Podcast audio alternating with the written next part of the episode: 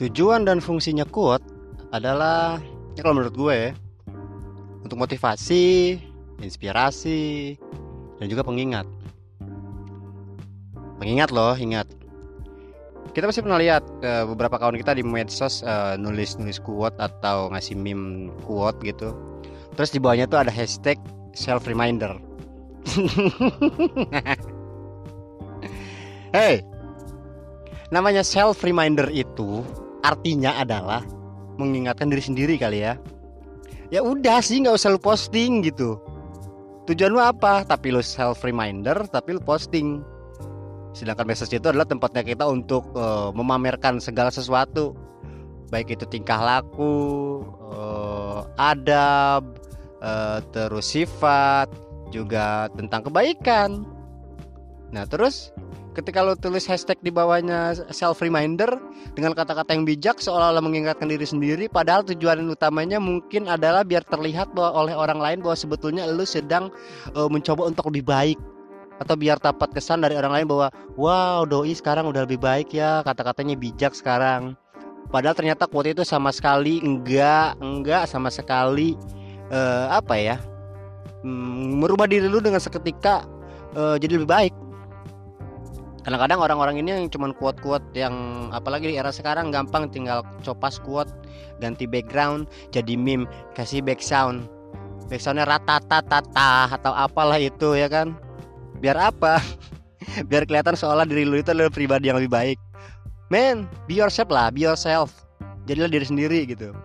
Walaupun kata seorang motivator yang dulu sempat ramai di TV terus karena kasus uh, masalah dengan rumah tangga dan anaknya pernah bilang janganlah jadi diri sendiri jika diri sendiri itu uh, pribadi yang jelek.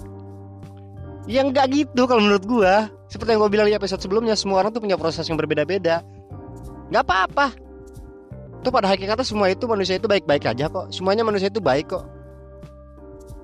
Sekarang dia lagi nggak baik dengan uh, pribadi yang kurang baik. Tapi kan seiring berjalannya waktu juga pasti akan menemukan uh, apa yang baik menurut dia ya biar aja. Mungkin menurut kita orang ini jelek segala macam. Tapi mungkin menurut dia baik. Ya enggak balik lagi deh nggak usah ngomongin si motivator itu. Balik lagi tentang ke kuat-kuat tadi yang gue bahas bahwa uh, apa? Lu ya jadi diri sendiri aja sih nggak usah sok-sok kuat sok-sok puitis uh, dengan copas-copas uh, kata-katanya Terelie atau Virsa Besari atau uh, apalagi di era-era masa-masa sekarang ini yang seolah-olah mengkritisi pemerintah dengan keadaan yang sedang terjadi. Belum lagi kalau di masa-masa nanti uh, pemilihan presiden, terus yang kita seolah-olah menjadi orang yang idealis dengan mencopas kata-kata dari Wiji Tukul atau pejuang-pejuang atau Suhokji. Men udah sih. Maksudnya be yourself and apa ya?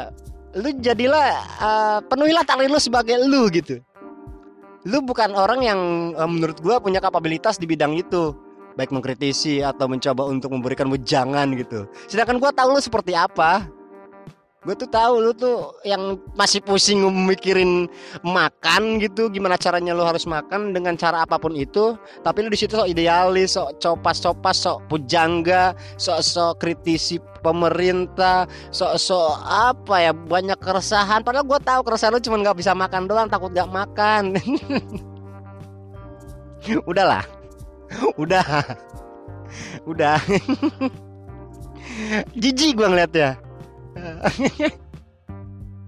Iya sih emang hak hak lu sih dan hak gue juga dong. Ya lu berhak untuk melakukan sesuatu. Ya gue juga berhak dong untuk menilai sesuatu. Iya dong. Jadi lu jangan jangan jangan coba untuk uh, membenarkan atau memperbagus diri lu ke terhadap gue. Ya lu juga berhak melakukan itu ketika lu ngomong hak gue untuk melakukan sesuatu. Ya gue juga berhak untuk menilai sesuatu. Jadi udahlah. Kita nggak usah uh, bilang gue salah atau lu salah, gue bener atau lu bener kita sama-sama punya hak. Hak untuk menilai dan dinilai. Oke? Okay? Adios.